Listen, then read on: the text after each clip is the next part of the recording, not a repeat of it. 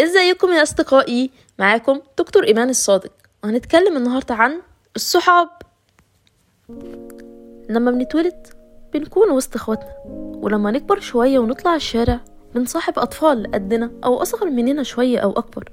ولما نكبر ونروح الحضانة أو المدرسة نتعرف على أطفال أكتر. في منهم اللي بيكون أخ أو أخت لينا وفي اللي مجرد زمالة. وبعد كل فترة بننتقل لمرحلة جديدة سواء ابتدائي أو إعدادي أو ثانوي وشلة الصحاب بتتغير بتزيد وتقل. ولما بنوصل للجامعة بنتفرق كل واحد بيختار المجال اللي حبه أو اللي التنسيق فرضه عليه. بنتعرف على أصدقاء من الأول تاني ناس جديدة بيكونوا من نفس المحافظة أو من محافظات مختلفة بيهونوا علينا فترة الجامعة بضغطها وصعوبتها. وفي وسط فترة الجامعة بنحن لأصحاب ابتدائي الناس اللي عرفناهم في أول حياتنا وكانوا سند لينا من صغرنا. أوقات بنتجمع ونتقابل وأوقات بنتكلم.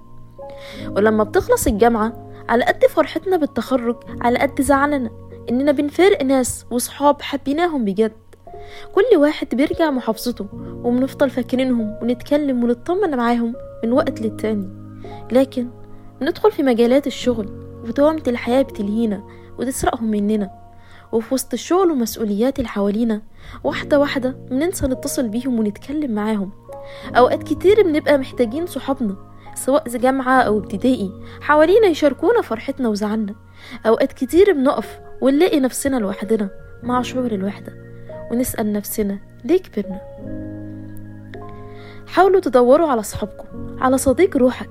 ما تخليش دوامة الحياة تاخدهم منكم. رن على صاحبك أو صاحبتك أو ابعتلهم رسالة على الأقل. اطمنوا عليهم. هما كمان محتاجينكم زي ما أنتوا محتاجينهم. مش لازم هما اللي يبدأوا. كلموهم وتعاتبوا. حددوا يوم وخرجوا سوا. وافتكروا الماضي. بفرحوا واللحظات الصعبة اللي عديتوها سوا. اتصوروا كتير. وهاتوا بعض بهدايا لأن الذكرى هي اللي بنعيش عليها في غيابهم. ولا زال لقاء الأصدقاء. يعيد للروح بهجته